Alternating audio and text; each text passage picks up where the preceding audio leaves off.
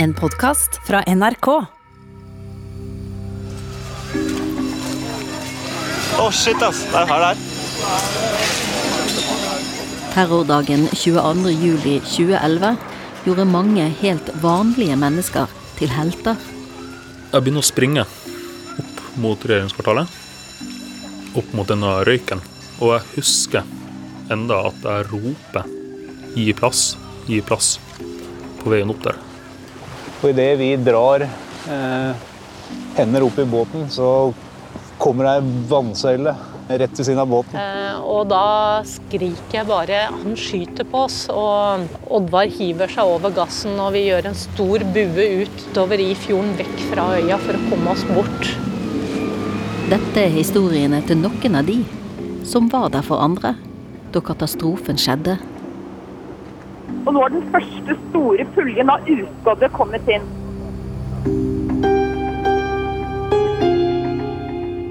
Du hører på hele historien 22. juli av Kjetil Saugestad og Line Alsaker. Del fem De frivillige hjelperne.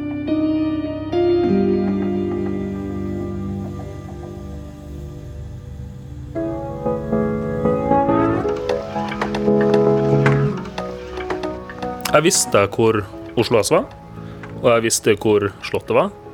Og jeg visste hvor Christian Krogs gate 32 var. 20 år gamle Dennis Scott har nettopp flyttet sørover fra Tromsø. Han bor i Drammen, men sommeren 2011 har han skaffet seg sommerjobb som vekter i Christian Krogs gate 32 i Oslo sentrum. Nå gleder han seg til å ha ettermiddagen fri. Jeg var ferdig på jobb klokka 15.00, klokka tre. Og da hadde jeg planer om å Jeg hadde en avtale med ei venninne fra Tromsø. Da Dennis er ferdig på vakt klokken tre, har han kort vei fra arbeidsplassen i Christian Krohgs gate til kjøpesenteret Oslo City, der han skal møte venninnen. Og venta på henne der. For da hadde jeg en kollega som eh, satt i resepsjonen på Oslo City, som jeg sto og pratet litt med. Jeg har på meg det som vi kaller for en serviceuniform. Pensko dressskjorte med vekterlogo og firmaet sin logo på. Og eh, så hadde jeg på meg en eh, sivil jakke på utsida, den eh, vekteruniformen. Klokken 15.25, mens han står og skravler inne på Oslo City, hører Dennis den store eksplosjonen i regjeringskvartalet bare 500 meter unna.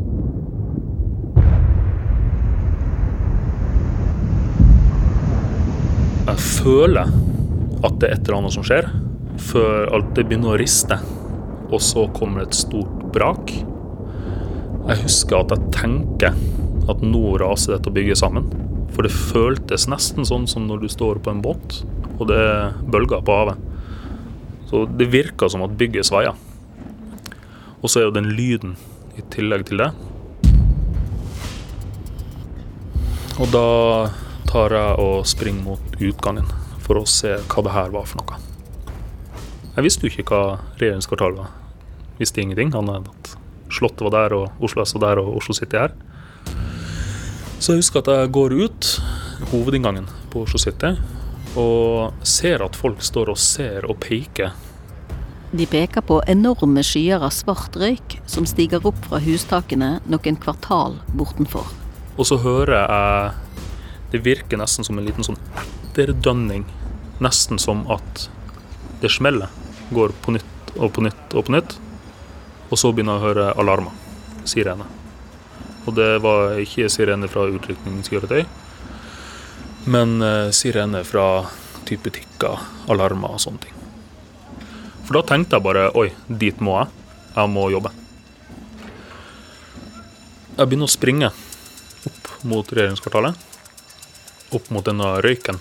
Og jeg husker enda at jeg roper 'gi plass', 'gi plass' på veien opp der. Dennis Scott tenker på det han har lært på vekterkurs om å først og fremst tenke på egen sikkerhet. Han løper mot regjeringskvartalet sammen med flere andre vektere, sjøl om han ikke aner hva som foregår. Etter noen hundre meter kommer de til Jungstorget. Det var jo ikke sol den dagen. Og da husker jeg at det var som om denne skyen akkurat hadde heva seg fra ansiktshøyde eller høyde fra oss mennesker. Jeg ser personer som kommer ut fra en slags røyksky. Så ser Dennis en som er skadet. Han får bruk for førstehjelpskurset han har tatt i militæret. Det var ei eldre dame som lå bevisstløs på fortauet. Han starter med hjerte- og lungeredning, men føler ikke at han får noen livstegn fra den eldre damen. Og så tar jeg av meg jakka mi, og så legger jeg over henne, og så springer jeg videre. Når jeg kommer inn mot regjeringskvartalet, så kommer jeg opp mot selve kvartalet. Og der ser jeg eh, denne kjente fontena.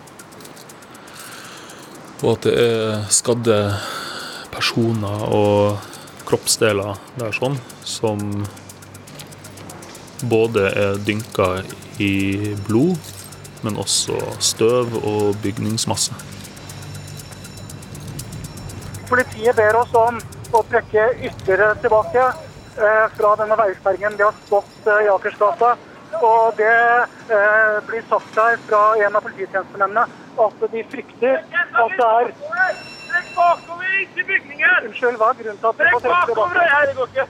Ta trekk bakover. Dennis ser et kaos av ødelagte bygninger, svevende papir og smadrete ruter. Han løper bort til en ung jente som kommer ut av høyblokken, helt dekket av blod. Og hun Hun går barføtter over kvartalet. Og der snakker vi knustglass, stein, spiker, skruer, planker. Jeg husker jeg prøver og skal løfte henne. Men hun ville ikke. Hun insisterte på å gå sjøl. Jeg fikk støtta henne og transportert henne bort til ei sidegate.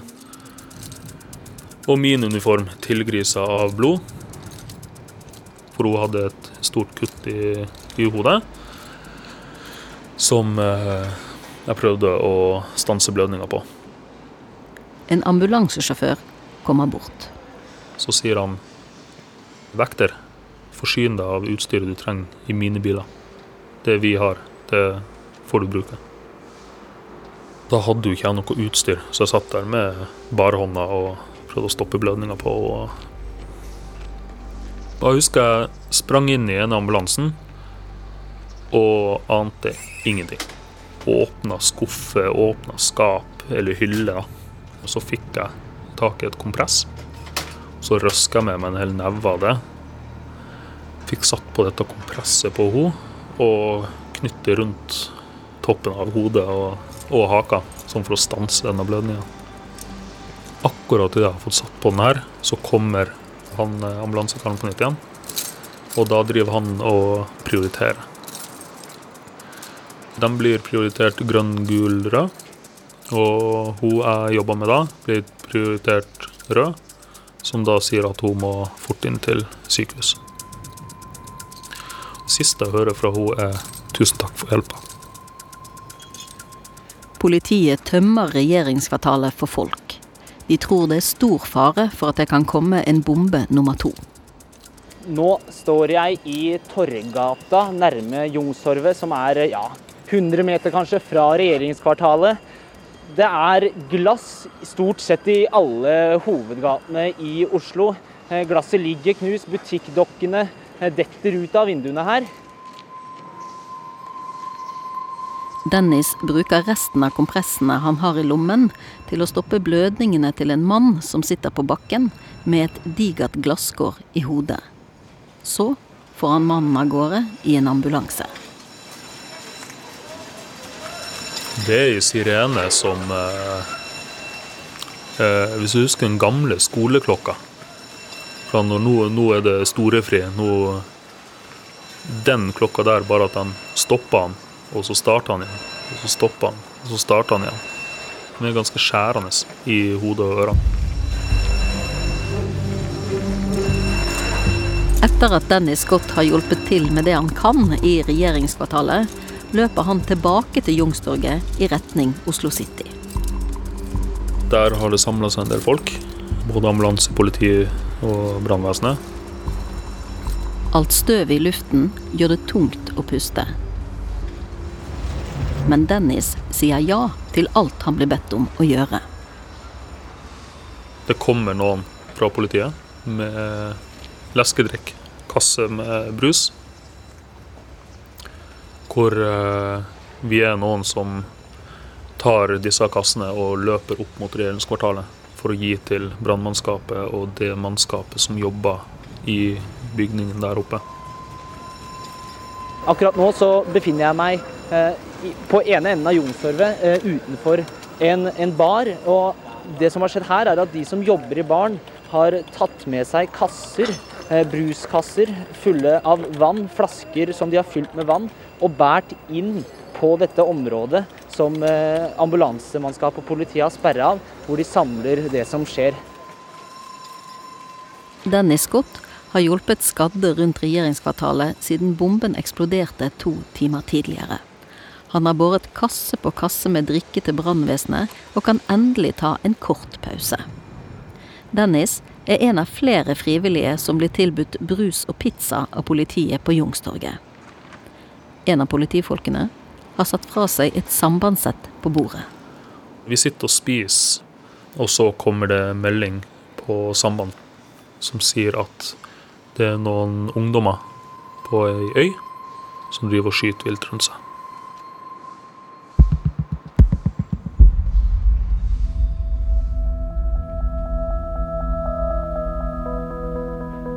Vi så den ferja som heter Torbjørn, som går mellom Utøyakaia på fastlandet og over til Utøya.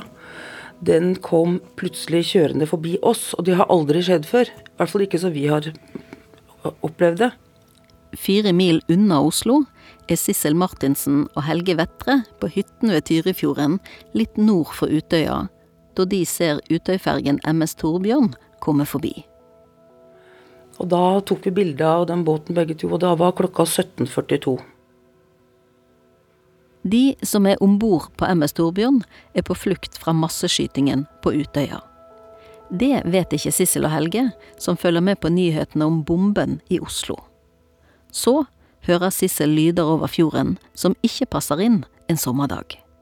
Jeg hørte skudd fra Utøya. Sånne enkeltskudd. Mange. Så hørte vi jo også på nyhetene at uh, ungdommer hadde kasta seg i vannet og lagt på svøm.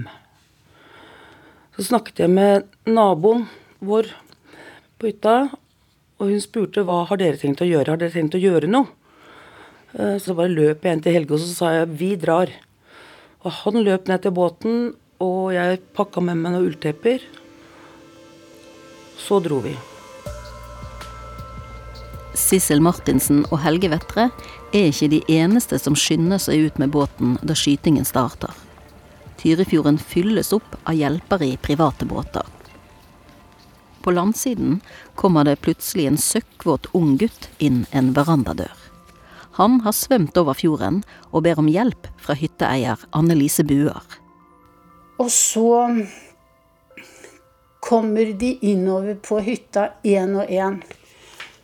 Noen kom krypende og ålende og skrikende, og jeg tenkte med meg selv hva gjør vi nå? Noen var helt utmattet og måtte dras inn gjennom døren. Og vi fikk av dem det våte tøyet og fikk lagt dem noe varmt rundt dem. Og i det de var helt fortvilet og gråt. Og så det var jo noe pledd og noe morgenkåper og noe håndklær og litt sånn forskjellig som lå rundt omkring, som de fikk rundt seg. Og de hadde jo vært veldig redde når de svømte, for de var redde for alle båtene ute på vannet òg. For de var jo redde for at det var noen terrorister i de båtene.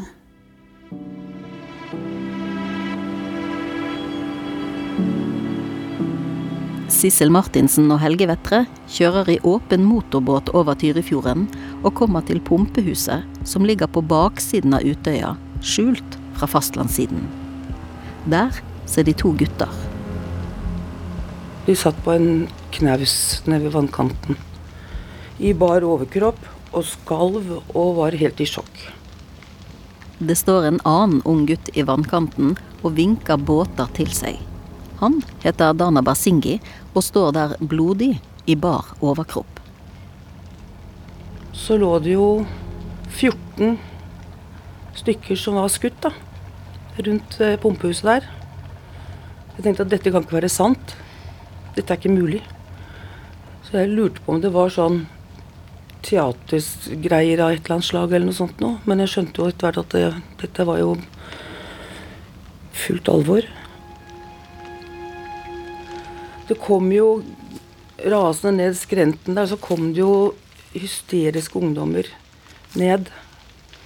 Gråtende, og en av dem var skutt og hadde hoppet ut av kafébygningen og brukket beinet i tillegg, men hadde klart å karre seg ned til båten.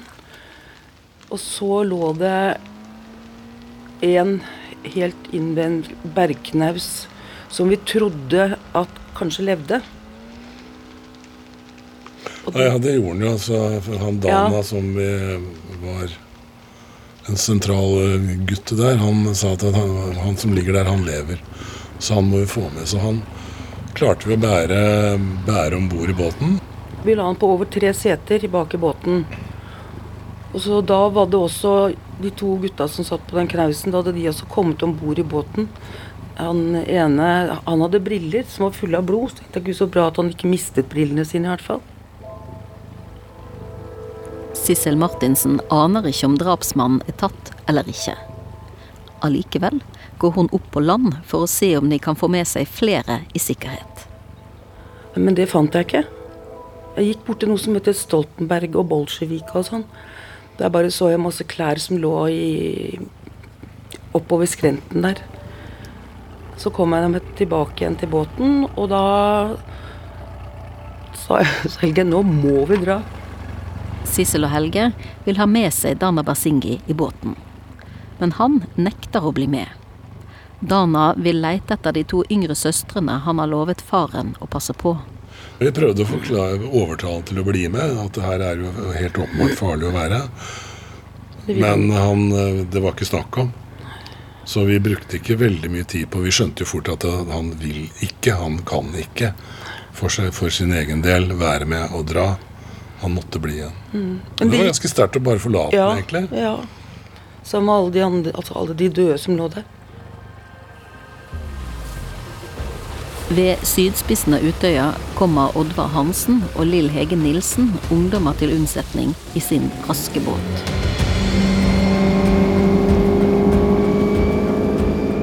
Det var veldig mange mennesker som sto på sydspissen og veiva med armene og skreik 'kom, kom og hent oss'. Da Og da sier vi bare 'hold dere i ro', vi tar dem i, lengst ut i vannet. Hold dere i ro. Oddvar og Lill Hege tror at det er de som har svømt lengst ut, som er i størst fare. Det vi gjør er to jenter som svømmer sammen, og dem tar vi opp eh, foran på båten. Eh, som vi drar opp i båten, og de løper rett og gjemmer seg bak setet mitt. Så kjører de videre, til baksiden av Utøya mot vestspissen. Der ser Oddvar Hansen en tredje jente i vannet og kjører bort til hun. De vet ikke at gjerningsmannen har fri sikt mot de. Og idet vi drar eh, hender opp i båten, så, så kommer ei vannsøyle eh, rett ved siden av båten. Eh, og da skriker jeg bare 'han skyter på oss'. Og Oddvar hiver seg over gassen, og vi gjør en stor bue ut eh, utover i fjorden, vekk fra øya, for å komme oss bort. Anders Behring Breivik treffer ikke da han skyter, så Lill Hege og Oddvar får med seg de tre jentene til fastlandet. Derfra gir de full gass ut fjorden for å ta om bord fire fra Delta, politiets beredskapstropp. Politifolkene er tungt bevæpnet og sitter med skjold foran seg da fritidsbåten nærmer seg fergeleiet på Utøya. Lill Hege Nilsen. Så får vi jo beskjed om å holde oss veldig lavt i båten når vi går inn mot brygga. De var nok veldig klare på at eh, han kunne skyte på oss. men allikevel så stolte jeg så veldig på, på den som satt foran i båten med skjoldet, at jeg regna med at hvis vi ble beskutt, så skjøt de tilbake. De redde og våte ungdommene i hytten til Anne Lise Buer har fått pledd og noe varmt å drikke. Nå kommer det noen som skal transportere de til Sundvolden hotell. Og da den bussjåføren kommer inn i hytta hos oss, så ble de så redde, disse ungdommene, for de trodde at dette var en ny terrorist. Så de begynte jo å skrike og hyle, og, og så forteller jo bussjåføren hvem han er. Så vi beroliger jo de ungdommene og sier vi kan stole på ham.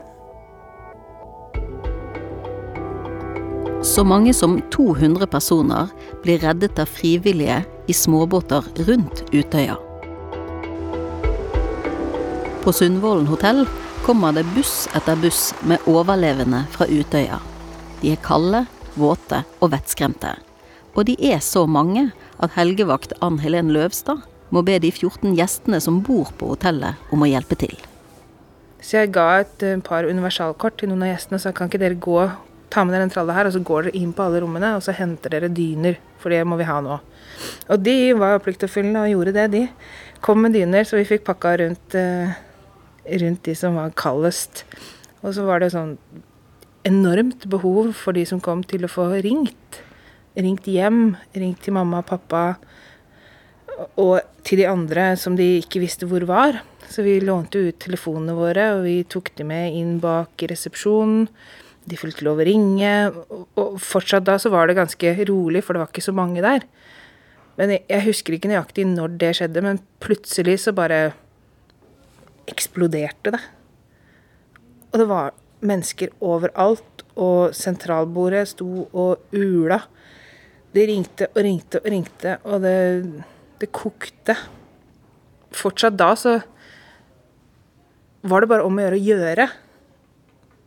Gi drikke, passe på, holde de varme. Vi ga bort klærne vi hadde liggende. Vi var og henta tøfler, fordi de hadde jo ikke sko på seg. Og så husker jeg tenkte at nå må det komme en ambulanse eller noen som er voksne, noen som kan det her. Så jeg ringte. Det var den ene gangen jeg ringte til, eh, til ambulansene. Så jeg er på Sundvolden, vi trenger en ambulanse, vi må ha noe helsepersonell her. Nei, det har vi ikke kapasitet til. Var det svaret jeg fikk. 26 år gamle Ann Helen setter i gang kokkene på hotellet. Til å begynne med lager de pasta og kakao til alle som kommer. Jeg sto og holdt rundt en gutt som var så fortvila fordi han hadde mista kjæresten sin. Dette var ganske tidlig på kvelden, så jeg tenkte ja, men vi kan vente litt, det kommer flere busser. Nei, det var ikke noe å vente på, så men jo da, sett deg her. Så skal vi prøve å ringe, og så, og så ser vi bare etter hvert om hun dukker opp. Men han snudde seg og så meg rett inn i øya og sa jeg veit at hun ikke kommer fordi jeg har sett at hun ble skutt. Og da hva sier du da?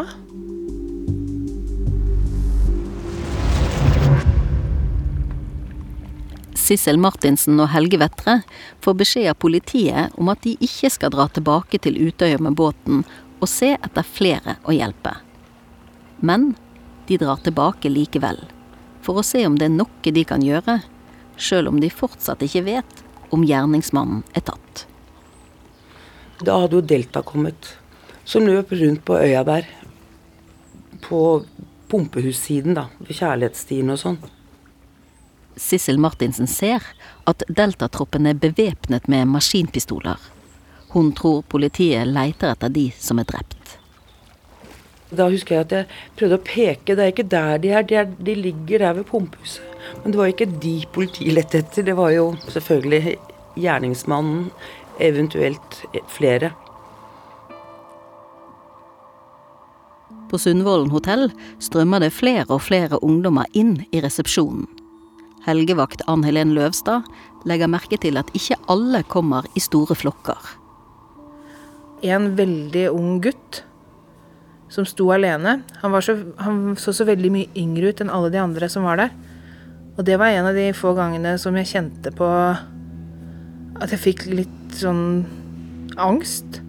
Og tenkte du kan ikke stå der alene. Så jeg forta meg bort til han og sørga for at han fikk kommet inn der som han skulle registrere seg, og at en av de som jobba der inne, tok vare på han. Jeg vet ikke helt hvorfor akkurat han, men det, han var så liten. Men det var de jo egentlig alle sammen. De var jo bare barn.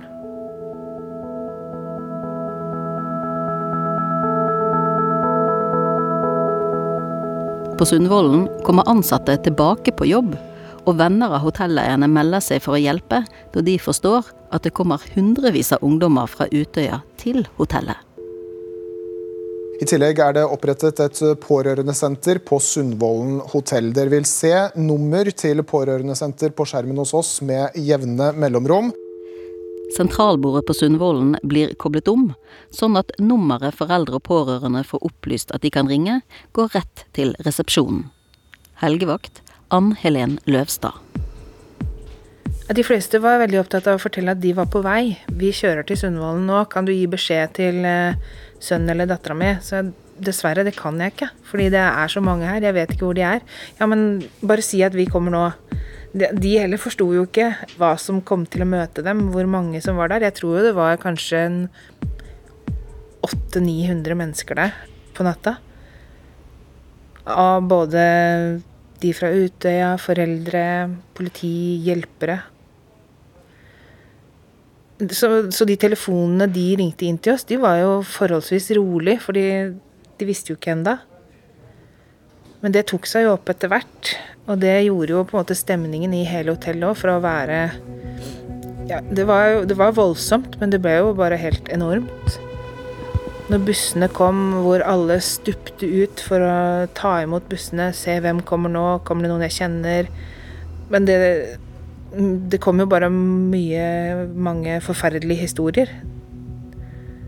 Og den gleden hos mange, det var gledeshyl over at de endelig møtte igjen broren sin, søsteren sin, vennen sin. Men samtidig så kom det også med et budskap da, om hvem som ikke var med. Tord Larskogen eier Sundvolden hotell. Han er egentlig på ferie, men har haiket med både hundepatrulje og brannvesenet for å komme tilbake til jobben. En av de viktigste oppgavene der er å finne ut hvem som egentlig har kommet til Sundvolden fra Utøya. Det ble registrert på skjemaer. Det som var litt vanskelig, var at uh, noe var litt sånn dårlig skrevet, noe storbokstaver og småbokstaver. Så var det liksom vanskelig å plukke opp de listene og få, få renvasket dem ordentlig. Og til slutt få opp en ordentlig liste. Og den listen hang vi da opp i det som etter hvert ble et sånt pårørenderom. Og så jo folk uh, lette de i, i, de listene etter sine nærmeste. Etter hvert blir veggene i resepsjonen dekket av navnelister. Noen tror det har vært så mange som 700 mennesker på Utøya. Det er jo kaos. Eh, det er lister overalt, og det er eh, vi hadde jo et bakrom bak resepsjonen med tre-fire telefoner, fasttelefoner. Så det var jo folk overalt, for de skulle jo låne telefonene, og de satt jo fast på pultene våre. Sjøl om hotellet har 250 rom, så er det ikke plass til alle. Tord Laskogen legger merke til at mange av AUF-ene er utslitte og redde for å sove og være aleine. Heldigvis har hotellet et lager med madrasser. Og vi fikk etablert en sovesal i nær tilknytning til resepsjon. La ut madrasser på gulvet. Røde Kors-vakter til stede. Og folk sovnet. Så vi klarte faktisk å sovne. Og da se det, det var ganske godt å se. Og da hang vi også opp i resepsjon eh, at folk måtte være stille fordi folk sover. Og med det, alle som kommer inn da, de er stille. Så klarte vi å skape en viss eh, grad av ro. Da mørket faller på i Oslo sentrum, er det kun lyden av helikoptre og sirener fra ambulanser som høres i det fjerne. Bykjernen er tømt for folk da Dennis Scott blir bedt av politiet om å stå vakt for å sikre området rundt regjeringskvartalet. Han har fortsatt på seg den blodige vekteruniformen. Og da sto jeg i, ei gate med en, ei politidame. Og det var litt spesielt, for hun sto der i full eh, krigsutrustning. Hjelmen hang på beltet. Hun sto der med halvautomatisk våpen og hele pakka. Mens jeg sto der i blodig skjorta og stikksikre hansker. Men hun sa skjer det noe, så går du bak meg. Og da husker jeg at jeg ringer til eh, vaktsentralen til G4S som jeg jobber med da, og spurte om jeg kunne få en ny skjorte kjørt ned. For jeg hadde en ganske skitten eh, uniform. Rett etter at eh, jeg la på der, så sender jeg melding til familien min at uh, jeg har det bra. For de visste at jeg hadde vært på jobb. Og de hadde fått med seg det som hadde skjedd. Og prøvde å få tak i meg, men ikke kommet gjennom. Så da sender jeg første melding om at det går bra.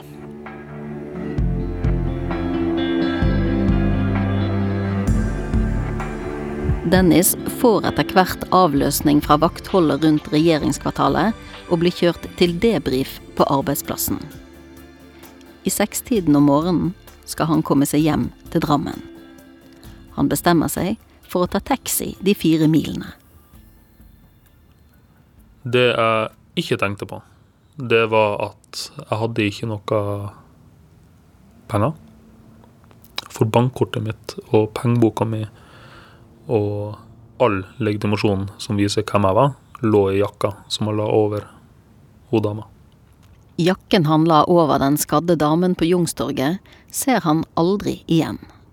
Både jakken og kvinnen forsvinner for han i alt kaoset. Taxisjåføren hører hva Dennis har vært igjennom, og har et forslag. Han drosjesjåføren her, han eh, tilbød meg å kjøre meg fra Oslo til Drammen på morgenen. Og jeg slapp å betale ei krone. For han sier Nå har du gjort ditt. La meg gjøre mitt.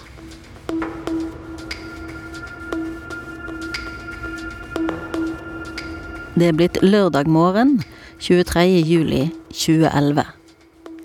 Åtte er døde i bombeangrepet mot regjeringskvartalet, mens 69 er skutt og drept på Utøya. Ingen har oversikt over hvor mange som er skadet. Helgevakt Ann Helen Løvstad har hatt på seg resepsjonsuniformen hele natten. Og jakka mi hadde jeg gitt bort til noen, så det visste jeg ikke hvor jeg hadde. Så jeg hadde bare skjørt og, T-skjorte og høyhæla sko. Nå drar hun hjem en tur for å skifte klær.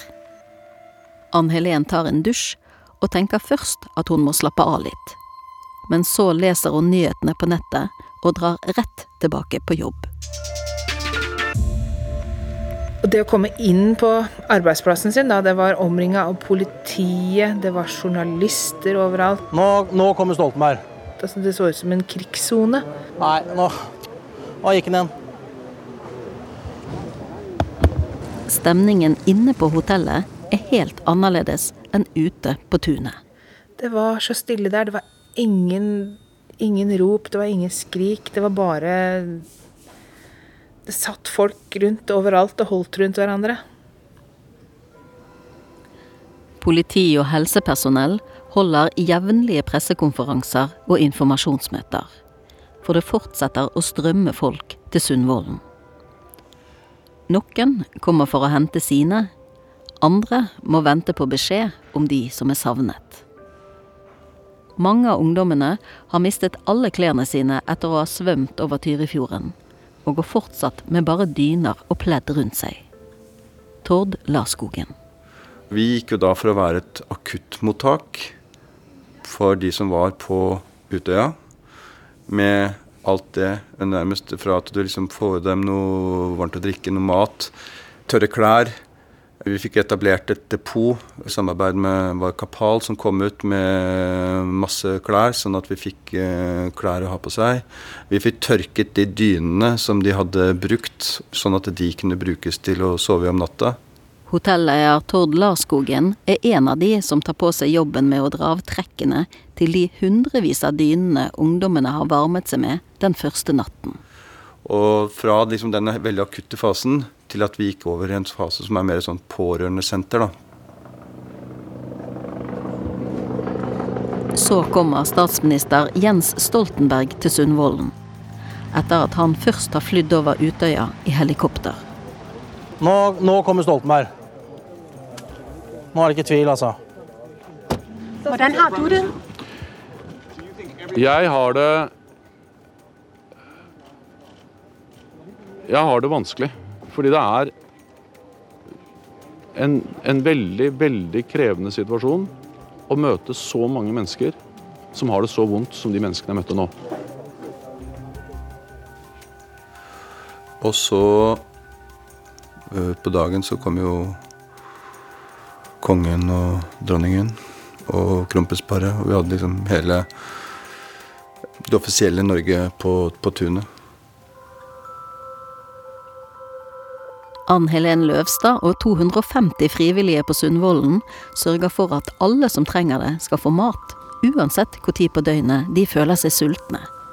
Vi tømmer frysere, kjølere Altså maten står jo kontinuerlig på en buffé, en stor buffé, hvor folk bare kan gå og spise og forsyne seg. Og samtidig så var det jo veldig mange av politi, av de som jobba rundt hotellet også, som kom og spurte etter mat.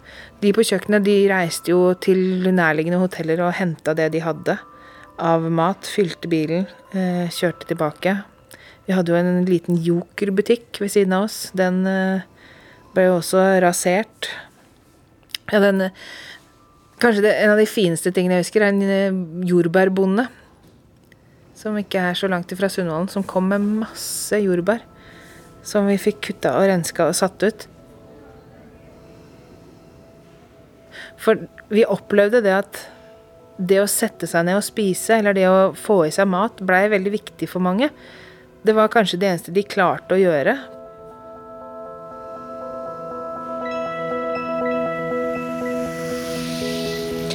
Det står jo mye politi rundt hotellet, og, og, og det bevokter det på, på parkeringsplassen ved siden av, ved siden av den Joker-butikken, så er det veldig, veldig mange journalister. Ja, det er greit. Det er greit. Hei. Og det er sånne, sånne TV-biler og store antenner og Altså som du ser på film, egentlig. Unnskyld, vi kommer fra NRK. Kunne vi fått lov til å prate litt med dere? Og de er jo desperate, selvfølgelig, etter å få dekket sitt behov. Eh, og ikke bare sitt behov, men hele Norges behov for å vite hva som skjer. Men eh, jeg jagde ganske mange journalister ut fra, fra Sundvolden i de dagene. Og sånn E. Er det. Ja. Like that. Yes. Torbjørn with a T. Thank you. Thank you. Take care. And your first name? Torbjørn. Lørdag 23. juli henter mange sine og drar hjem fra Sundvolden.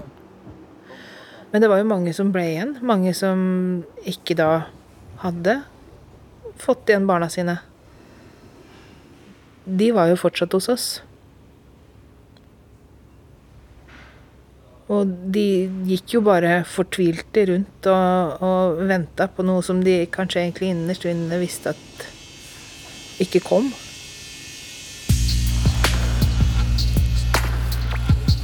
Sundvolden hotell fungerer som pårørendesenter over helgen og frem til onsdag uken etter.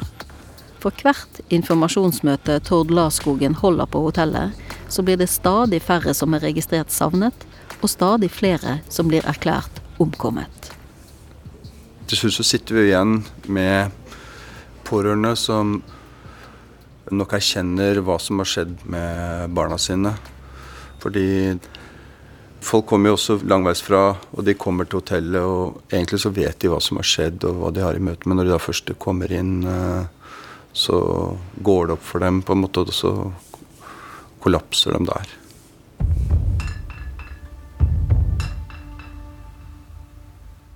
De siste pårørende drar fra Sundvolden hotell tirsdag 26. juli. Dagen etter blir pårørendesenteret avviklet.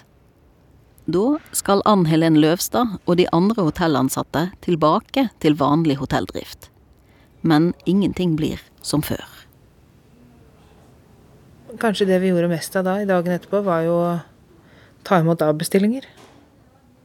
For det var jo ingen som ville komme til Sundvolden da. Det gjorde vi jo i lang, lang, lang tid. Og det husker jeg, da, da ble jeg litt forbanna, egentlig. Vi ville jo bare hjelpe. Men samtidig så satt det noen i andre enden og sa at nei, vi, vi vil ikke til dere. Og det syns jeg var forferdelig urettferdig. Mm.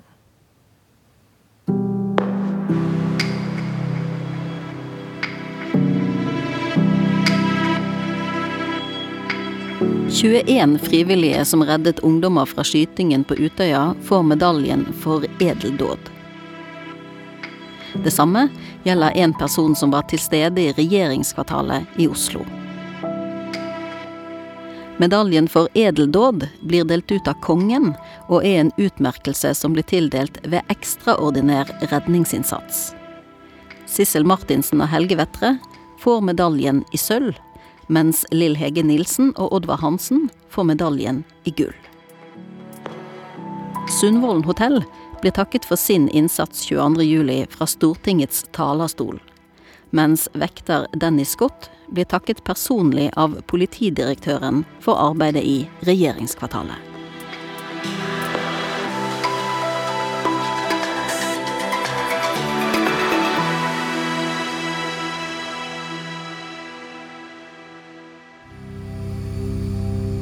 Du har hørt femte del av hele historien om 22. juli. I neste del politiaksjonen. Vi tar oss gjennom en liten krattskog. Når vi kommer gjennom der, så står plutselig Breivik foran oss.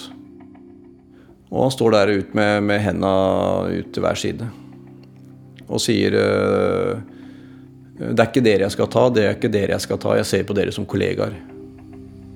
Hele historien om 22. juli er laget av Kjetil Saugestad og meg, Line Alsaker. Lyddesign ved Merete Antonsen og research ved Kristine Næss Larsen. Takk til Jannike Larsen Buchmann for utfyllende informasjon om Sundvolden. Kjenningen er laget av Sosius Music, og vår redaktør er Siril Heierdal.